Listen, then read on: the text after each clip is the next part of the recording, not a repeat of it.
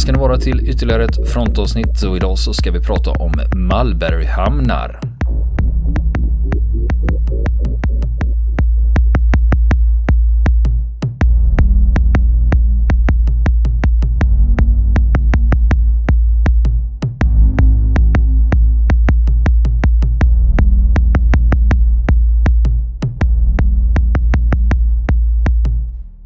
Niklas, Malmberghamnar. Ja, just det. Har du varit i Normandie någon gång? Ja, jag har varit eh, så långt söderut som Le Havre. Jag har inte Ja. varit längre söderut. jag har alltså inte. varit vid Mm. landstigningsstränderna. Just det. För om man åker dit eh, till en liten kuststad som heter Aromange, där det är egentligen nästan bara ett samhälle. Där kan man fortfarande se någonting som ligger ute i vattnet. Stora betongklossar som eh, hårt tärda av vatten och av tidens tand idag. Hur långt ner i Normandie är det? Det är mitt, i, eh, mitt på invasionskusten kan man säga, nästan mitt emellan. Ja, inte mitt emellan då, men det, på en av de tidigare brittiska stränderna kan man säga. Som, eh, som det, här, det här ligger. Så man kan säga mitt, mitt i Normandie, mitt på strandremsan ungefär. Eh, om man ska ge någon slags ungefärlig angivelse. De här betongklumparna som ligger där, de är alltså rester av eh, någonting som brukar betecknas som en av de mest enastående ingenjörstekniska bragderna under krigshistorien. Det handlar ju om flyttbara hamnar helt enkelt. Det var så att när du skulle landstiga i Normandie, göra den här stora invasionen, då hade planerarna då, de som låg bakom eh, planläggningen av Operation Overlord, redan på förhand insett då att eh, det kan bli svårt att snabbt få kontroll över en hamn. Och det hade man en, hamn som stora fartyg kunde anlöpa då, där man skulle få i land trupper och förråd. Ja, och vad, vidare. fan, vad fanns det där närheten? Norr om hade ju Le Havre. Ja. Det var ju stor hamnstad. Ja, och sen hade du Cherbourg. Cherbourg. Jajamän, Men sen hade du ju lilla orten Ouistreham. Jajamän. Men det var ju inte tillräckligt. Men det var, Det var mer- den låg ju en bit upp i floden också. Ja, ja visst. Så att det Och det, var, det, var, stort. det var inte alls lämpat då. Det fanns inte de kajer eller det djupgående som krävdes för stora transportfartyg eller eh, kranar av den kapaciteten som behövdes då för att ri- riktigt få sprutt på den här operationen. Då. Och det hade man insett då redan i samband med den här räden mot Dieppe 1942. Då hade man gjort en sån, ett, eh, ska man kalla det för ett testanfall, prova på styrkan på den tyska Atlantvallen. Och eh, det där hade ju mm, den där lilla eh, styrkan då som hade gått i land där som mest bestod av kanadensare hade blivit rejält illa tilltygade. Och då hade man insett att ska man skicka över en invasionsflotta om man ska kunna hålla den rullande och skjutande och på, eh, med mat i magen. Då måste man ha hamn hamnfaciliteter då ordentligt. För det är ju ofta, ofta det när man pratar om den här typen av militära operationer. Mm. En viktig sak i det här som oftast inte Mm. förekommer, framförallt inte i pang-pang-litteraturen eller vad jag kallar för pojkboksäventyren. Det är att man aldrig diskuterar logistiken. Mm. Och Att den oft- är jäkligt ofta är ju- intressant. Ja, för det, det är ju faktiskt eh, Napoleon som sa det att, eh, vad var det om en armé? Ingen armé marscherar på fastande mage.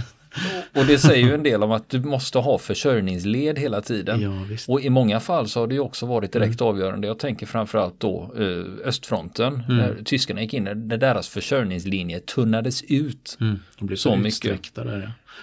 Ja. Apropå det här med Ja, logistik. Va? För precis. eh, har du ingen logistik så har du inget krig. Nej, då har armén inget ork helt enkelt. Du har ingen mat och ingen ammunition. Nej, precis, precis. Och det är ganska många led bakom den där soldaten i frontlinjen då. Med folk och eh, maskineri då som ska få den där soldaten framme i skyttegraven eller i, vid fronten och fortsätta slåss. Och, att, och det eh, behöver inte vara gigantiska eh, operationer med stora pansarbataljoner utan du kommer ihåg Goose Green. Ja, just det. Till och med där hade de problem med att få, och det var ingen stor grej va? det var en bataljon som var insyltad i det där. Och till och med där hade man problem med att få fram ammunition Mm. till frontlinjen. Precis. Att den kommer fram vid rätt tid, precis när den behövs och så vidare. Så att sånt där är ju otroligt viktigt, men sånt man inte tänker på många gånger då när man eh, kanske tittar på en schysst krigsfilm eller, eller, eller sådär och eh, som ändå försöker vara realistisk. Att man, de ger i, i, sällan någon bild av hur mycket, hur stor apparat som finns bakom. Men det beror nog på att det finns ingen dramatik i det. Nej, det gör det ju svårt. oftast inte det. Det är, det är ju, ett, det är ju ett krig med siffror och lådor och, och så vidare. Jag brukar säga det att ett av, innan vi går vidare då, att ett av de svå, jävligaste jobben under andra världskriget måste ha varit att vara Rommels kvartermästare i Afrika. Just när man tänker på mardrömmen med underhållet. Att de inte fick fram grejer. Ja, precis. Ja. Men precis. det var ju lite av idén där att man skulle skära av försörjningslinjerna mm. till Afrikakåren. Så att man inte kunde förse dem med materiel. Och det lyckades man ju med ganska duktigt här och höll dem på svältkost. 1942 inför El Alamein exempelvis. Men nu är det Normandie. Mm. Nu är det Normandie. Precis. Det var så att eh, man hade kommit fram då att man, det gick inte att förutsätta att det gick att erövra en tillräckligt stor fransk hamn. Då kom man upp med den här idén då att ja men då tar vi med oss en hamn till Normandie och sätter upp på stranden. Så att redan ungefär ett år eh, före invasionen så är planeringen i full gång och konstruktionsarbetet. Hur ska den se ut? Hur ska vi göra för att forsla dit den? Eh, hur stor ska den vara? Och så vidare. Och det, hela det här projektet då eh, gick under kodnamnet Mulberry, Mullbär. Då. Det utvecklades då av ett antal konstruktörer, bland annat en ingenjör från Wales då, som har blivit samman, väldigt förknippad med det här. Då Huge, Ioris Huge heter den man kom på ett system med prefabricerade delar, eh, betongkonstruktioner och stålkonstruktioner då som skulle fraktas över kanalen. De här betongkonstruktionerna då som skulle vara själva stadgan i det hela då, typ av kajer och, eh, och vågbrytare. Det var stora kasuner som man byggde i göt i betong. Och som man fraktade över sen som pråmar över kanalen då eh, i samband med D-dagen. Eh, för ja, betong flyter ju. Om eh, man, eh, man kan göra båtar i betong om man skulle vilja. Inte så praktiskt kanske. Ganska tungt men eh, flyter gör det och det var det man, eh, man eh, räknade med då. Och sen skulle man sänka de här på plats då där man hade bestämt att, eh, att eh, hamnen skulle ligga. Eh, och då utvecklade man olika delar då. Man hade de här kasunerna då, de fick olika kodnamn. De, de här stora kasunerna kallas för Phoenix. Stora lådor kan man säga i betong då, ihåliga. Och eh, man hade vägar, ett vägsystem som skulle ligga på det här och på ponton, pontoner också, en flytande väg då. Och det kallas för Wales. Eh, var kodordet för det och så fanns det en massa olika liksom en uppsjö av olika kodord då för de olika delarna då som vi inte ska gå in på då. Men det var i huvudsak kan man säga att det var pirar, det var vågbrytare och det var vägar. Men man, man tog mm. dit en sån byggsats alltså? Man tog dit det som en byggsats, inte, det var, det var, över den. Det var Ikea-stuk på Jajamän. det. Det var inte det att man boxerade över en hel anläggning. Nej, utan just det. Den Precis, kom i delar. Det kom i delar. Ja. Och det skulle vara tänkt att hantera 12 000 ton förnödenheter per dag. Det skulle du klara när man fått över det över kanalen då, det gick ganska långsamt då, det gick i fyra knop. När man boxerade över de här stora, eh, st stora elementen då, kanske 8 km i timmen ungefär. Och när det kom fram så var det arméns ingenjörssoldater som hade ansvar för att pussla ihop det här då till en hamn. Innan man gjorde det här, innan man hade kommit så långt, mycket stod och föll med det här, att man skulle få den här försörjningen att fungera, så var man ju tvungen att reka stränderna. Och de var ju i fiendens händer. De var ju i tyska händer. Men då skickade man i land små patruller med ingenjörssoldater och eh, kommandosoldater från eh, miniubåtar och eh, med små eh, motorbåtar som man smög i land på nätterna då. För att bland annat ta, kolla markförhållandena, ta sandprover för att se att marken var tillräckligt stabil, att den skulle kunna klara stridsvagnar och andra fordon som körde i land att man skulle klara, hur, hur såg tidvattnet ut, hur såg strömmarna ut och allt möjligt sånt. Så det gjorde man flera sådana här väldigt, ofta väldigt dramatiska nattliga turer då, där man gäller att inte väcka eh, vaktposterna då på andra sidan. Som är en del av alla de här förberedelserna inför invasionen då. Och då på eftermiddagen den 6 juni 1944, alltså drygt 12 timmar efter att invasionen hade satts igång då från sjösidan. Då lämnar byggsatserna hamnarna i England för att fraktas över kanalen och då snackar vi inte en hamn utan två hamnar. En på den brittiska sidan på den invasionsstranden som kallas för Gold och en på den amerikanska på Omaha Beach. Och det är alltså 400, drygt, drygt 400 betongelement som fraktas över då. Man räknar med att tillsammans vägde de en och en halv miljoner ton. Och eh, så det är helt otroligt vilka mängder vi pratar om här, vilken som är en del av den här enorma apparaten liksom som invasionen var då. 146 av de här var eh, de här stora betonglådorna då som man kan se utanför Aromange. Då vid franska kusten idag, några stycken som fortfarande ligger där. Man hade sänk, fartyg som skulle sänkas för att bilda vågbrytare utanför också tillsammans med betongelement en bit ut. Det tog först tre dagar efter invasionen så var de här delarna framme och man kunde börja bygga.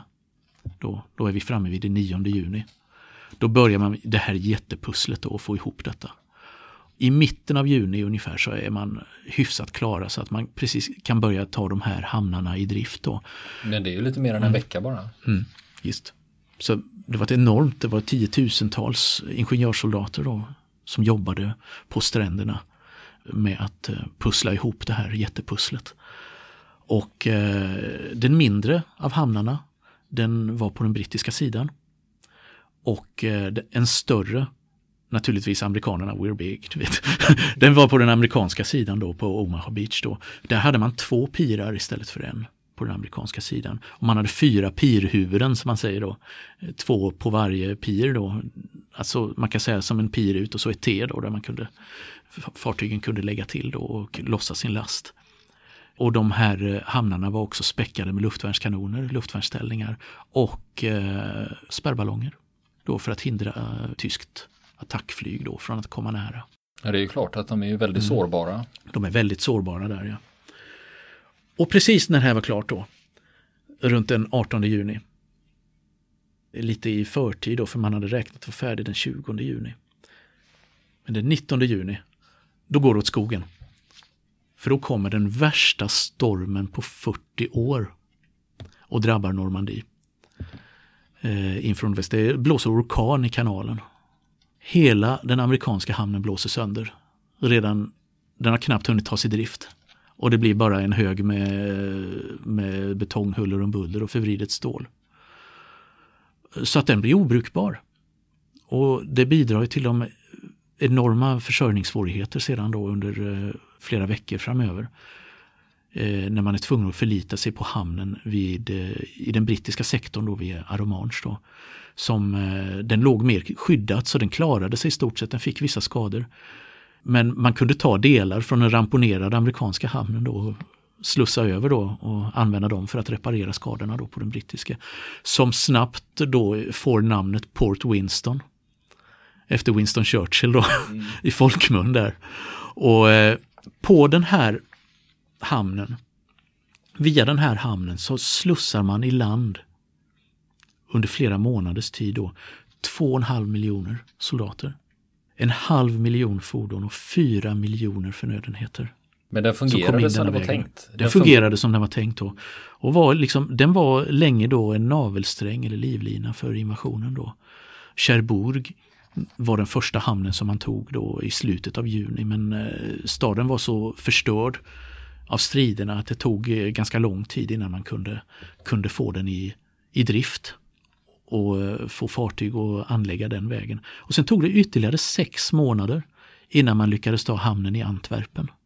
Och det tog ännu längre tid innan man faktiskt kunde eh, ta den i bruk med full kapacitet och den blev beskjuten med V2 och och så också. Så att det var eh, väldigt svårt, svårt att få den logistiken att fungera. Men när man väl hade fått Antwerpen att fungera så blev det huvudhamnen då för den amerikanska och brittiska underhållet då till trupperna i Europa. Och det tog tio månader allt som allt innan den här Mulberryhamnen, Port Winston vid eh, Aromanche, togs ur bruk när den inte behövdes längre. Man hade räknat med från början att den skulle användas i tre månader. Men tio månader blev det innan den var, eh, togs, togs ur drift. Och eh, som sagt, det har sett som ett, då ett lysande exempel på militär ingenjörskonst. Ungefär som när eh, perserna i antiken slog en bro över Bosporen och, för att få över sina soldater till Grekland. Det du nämner här om just mm. det där att många hamnar var väldigt illa åtgångna. Mm. 12 september följer Le Havre och Le mm. Havre är Frankrikes näst största hamnstad. Ja, Men hamnarna var i så sopigt skick och så mycket sänkta mm. fartyg så det dröjde jättelänge innan man kunde, Precis. Eh, Precis. kunde utnyttja hamnen. Mm. Så tyskarna hade gjort ett, ett eh, grundligt jobb när det gällde att förstöra så mycket de kunde för de visste vad hamnarna var värda för de allierade. Vad, vilken stor nytta de skulle ha av dem. Men eh, historien om Mullbergshamnarna är inte riktigt slut där. Ändå för eh, efter kriget så användes många av de här elementen då, alltså man kan säga brospann i stål. Eh, ser ut som ingenjörsbroar egentligen då, sådana som byggdes runt om. För att man skulle ta sig över floder. Många av de här användes efter kriget runt om i Frankrike, i Belgien och Europa för att, för att ersätta förstörda broar. Broar som hade sprängts under striderna. Och eh, man kan faktiskt hitta några av de här ännu idag. Om man gör en bilsemester i Frankrike exempelvis. Då. Det finns på flera platser över Mos, floden Mos exempelvis. Så finns det en vid, vid en liten, lite ställe som heter Vacheroville och vid Moselle så finns det ett par stycken kvar eh, vid eh, några mindre orter då som man faktiskt kan se hur de, de såg ut. Och eh, en har faktiskt ganska nyligen, eh, när bron, en bro skulle rivas i Frankrike då, så köptes den av Imperial War Museum i London och fraktades så sent som förra året över till England där den ska konserveras och sen finnas med på en eh, utomhusutställning i Duxford då, som är en av Imperial War Museums anläggningar. Då, där man ska kunna visa en del av Mulberry. Så att eh, det har faktiskt bevarats. Andra lämningar, det är som jag sa de här som ligger kvar då, betongklumparna vid Aromanche. Och några ligger faktiskt också utströdda utanför brittiska kusten. För att de råkade sjunka under resan över, över eh, kanalen. Då. Och eh, kan fortfarande beskådas då vid olika, olika brittiska hamnar. Då ute på redden. Har man använt sig av den här tekniken vid något senare tillfälle? Nej, det har man inte gjort. Några krigsoperationer? Ja, det, det har man mig veterligen inte gjort. Inte i den skalan i alla fall. Eh, som Ullbergshamnarna var, eh, var tänkta som. Utan eh, det här är fortfarande, om man säger så, en väldigt unik unik händelse, en väldigt unik konstruktion och en unik idé. Idén var inte helt ny ska jag tillägga faktiskt under andra världskriget.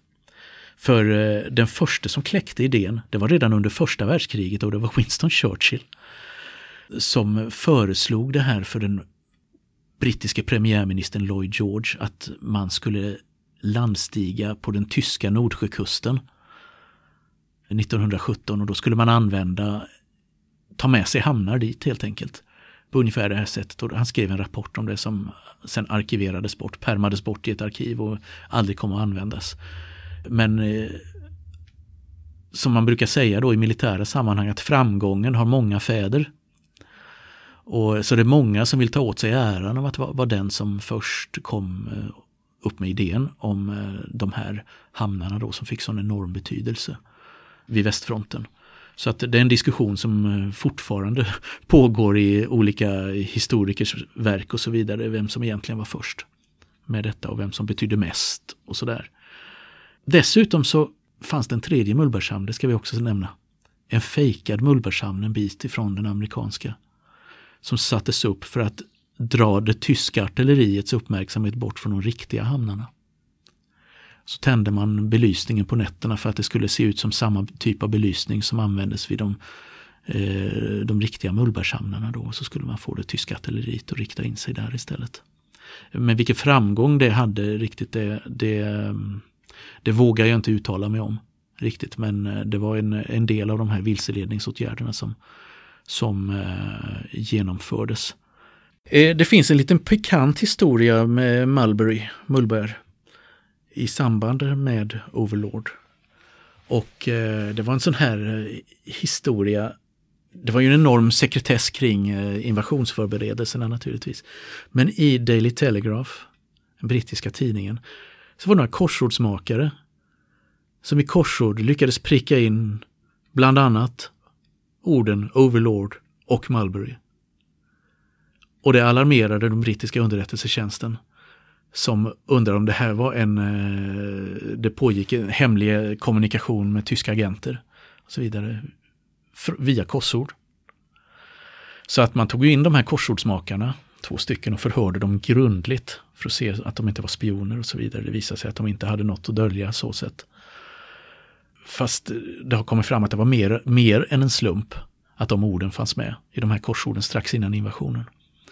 För att den ena korsordsmakaren, han hade hört dem av barn till soldater som låg i garnisoner i, runt om i, i England. Då, i, han hade i hört de här orden? Hört de här orden nämnas.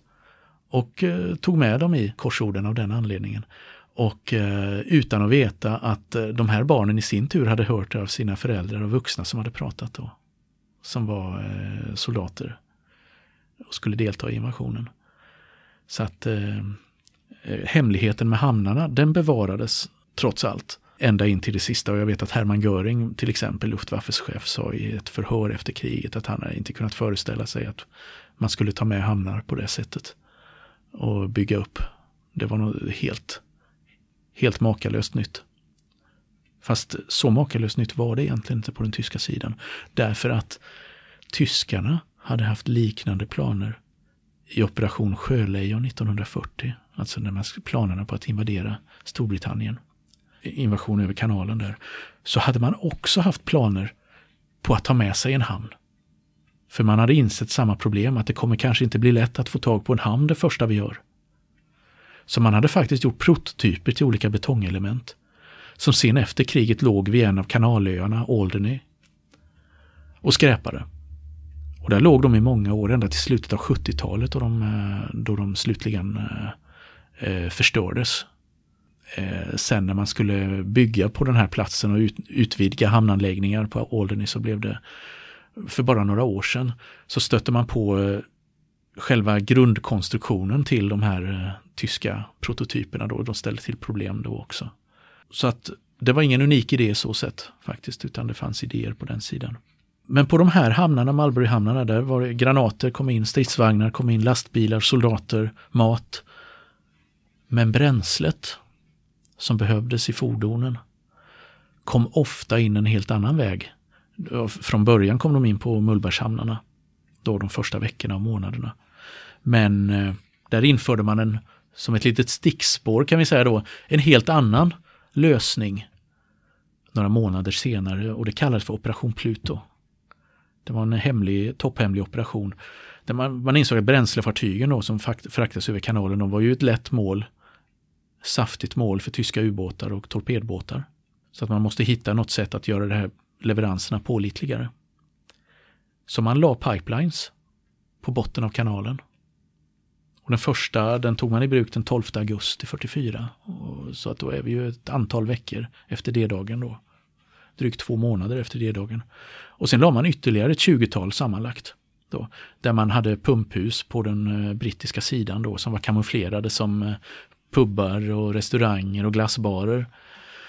Och så pumpade man upp det då i en ständig ström då, bränslet som behövdes då för att hålla fordonen flyt, eh, rullande då på den andra sidan. Och, och eh, ska man säga något om kapaciteten då så kan man säga att i januari 45, när de här var i full drift, så pumpades 305 000 ton drivmedel per dag genom de här pipelinesen då. Och det ökade ännu mer framåt krigsslutet då. Och de var fortfarande i drift efter krigsslutet ett tag, då man behövde eh, liksom få igång försörjningen och leveransen av drivmedel och så vidare till civilsamhällena i, i Frankrike och Belgien och Holland. Så fortsatte de här ett tag till. Eh, så att det var ett stickspår från de här Mullbergshamnarna men ändå intressant när det gäller just logistiken kring hela invasionen och eh, det allierade fälttåget i, i väster. Så att jag tänkte det kunde vara kul att nämna det också. Men avslutningsvis för den som vill gå och titta, titta på eh, det här så kan, kan man då rekommendera att åka till Duxford i, utanför London för att, för att snart se, kunna se en sektion av de här broarna som användes. Nu ska vi prata film och i det här fallet så är det spelfilm. Och eh, Niklas, om, om, om jag säger så här till dig. Att eh, säg att man gör en film som handlar om fyra självmordsbombare. Mm. Fyra extrema islamister som ska utföra Hur lång blir självmordsattentat. och det här är i Storbritannien. Och vilket, vilken kategori tror du det här sorterar in under? Det är en kuggfråga förstår jag. Ja, det är det. Ja. Eh, nej. Detta är en komedi. Okej. jag säger så här, bara i Storbritannien. Ja. Bara i Storbritannien. Det är bara ja. britterna som kan ja. göra något sånt här och ändå komma undan med det. Och, och få det bra va. Alltså jag tycker ju att jag har lite koll på filmer men du lyckas dra fram film efter film som jag aldrig har hört talas om.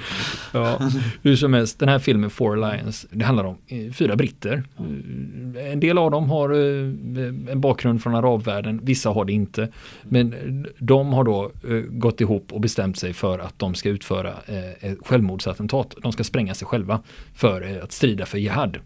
Och alla andra länder i hela världen så hade detta blivit en thriller, en dramaserie eller mm. någonting. Men britterna gör en komedi. En komedi. Och hur, och lycka, det blir en balansgång här. Ja. Och det, ja, ja, det är bara britterna som klarar av det här. För mm. den är rolig. Den är dråplig. Alltså, mm. Den är ro, eh, underhållande. Mm. Och det, men ändå finns det en allvarlig underton. För man brottas, och då får vi inte glömma att London har ju varit utsatt för ja, attentat. Just. Inte bara av de här, den här typen av grupperingar utan även långt tidigare så var IRA mm i England och sprängde bomber så det har alltid funnits en terrorrädsla. Och det är ju därför det sitter övervakningskameror i alla brittiska städer överallt. Det finns ju inget land där man är så övervakad. Och, och, britterna har ju inga problem med det här. För det är ju den här, eh, det är den här balansen när man pratar om trygghet eller om man pratar om eh, övervakning. Var, var går eh, gränsen? Mm. Och britterna har ju så att säga öppnat flodluckorna där och de övervakar allting som händer på sina gator. Mm. För att slippa terrorattentat. Om vi går tillbaka till filmen. Eh, där finns, I där finns det några drivande krafter i den här gruppen mm. som vill genomföra ett attentat och de försöker komma överens om vad är det vi ska spränga. Och en föreslår, men kan vi inte spränga ett apotek? Ja, men vad är, vad är grejen då? Mm. Nej, till slut enas de om att de ska utlösa de här bomberna under en löpartävling. Och det för ju tankarna till Boston mm, Marathon-attentaten då. Just det.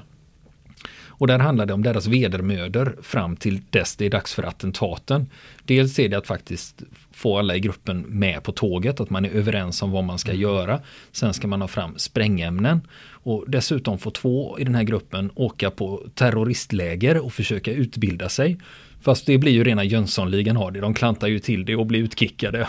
de, de kan inte ha dem där för att de ställer till det för så in i helvete. Så de kommer tillbaks till England och förbereder sig då för den här äh, attacken. Och det finns hela tiden en obehagskänsla i bakgrunden. För man vet om att detta är lite väl nära sanningen emellanåt. Just det.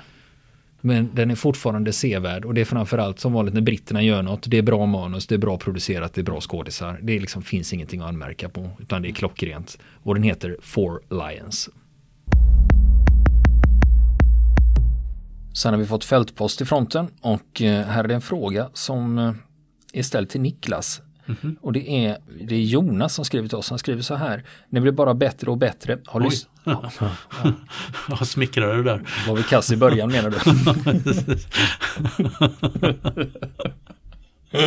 ja, ja. ja. Men han fortsätter. Eh, Niklas, jag har lyssnat på alla dina ljudböcker. Grymt ja. bra. Kommer resten av dina mm. böcker att komma som ljudböcker? Oj. Kör vidare i samma stil, boys. Med ja. vänlig hälsning Jonas. Oj, och hjälp. Tack för det Jonas. Jag vet inte det om de kommer som ljudböcker. Alltså jag har, det finns ett, eh, några av mina böcker som kom, har kommit. Nionde arméns undergång och Tyskland talar och möjligtvis någon mer, vilket jag borde veta eftersom jag själv har läst in dem. Men det var några år sedan nu. Men eh, ja, det har inte kommit upp något förslag att göra flera av böckerna till ljudböcker, det måste jag säga. Men det kan ju vara bra om eh, läsare som du själv Jonas hör av dig till förlagen och önskar det här. För jag tror att en fråga från läsekretsen väger faktiskt tyngre än vad en författare säger i det här fallet. Tror jag. Så det bästa vore om han, mm. Jonas startar en petition på nätet. Och liksom, vi ja, vill för ha, faro. vi vill ha Sennertings böcker som, som ljudböcker. ljudböcker. Jajamän. Mm. Det är faktiskt, eh, ja, nu ska jag ju inte uppmana till allmän, till upp, uppvigling här, men, men upprop är ju alltid bra. Eller att man hör av sig, oavsett om det gäller mina böcker eller någon annan författares böcker som inte finns tillgängliga då som ljudböcker så kan det vara bra att höra av sig till själva förlagen med ett mejl exempelvis. För det är ju ändå så, det kostar ju en bra peng att spela in en ljudbok. Det gör, det gör ju ofta det. Det tar mycket tid och det är ofta en professionell uppläsare som ska göra det. Mm. och som ska ha betalt för sitt jobb och då blir det många timmar. Ja, och då får man ju väga liksom, mm. förväntad försäljning. Hur många ex måste vi sälja mm. för att det här ska gå ihop mm. sig och helst ska man ju gå med vinst då ja. som förlag. När man tittar på de svenska ljudbokshyllorna så det som har störst spridning det är ju deckare och thrillers. Det är ofta det som lämpar sig för eh, Facklitteratur och ja, hamnar ju lite längre ner. Det hamnar lite längre ner. Om det inte handlar om bantning eller löpning har jag sett. Mm, det är tydligen populära ämnen. Vill ni komma i kontakt med oss så kan ni göra det via vår Facebook-sida som heter Fronten. Det är inga problem för er att leta er fram där. Eller också så mejlar ni på vår mejladress och det är frontenpodcastgmail.com.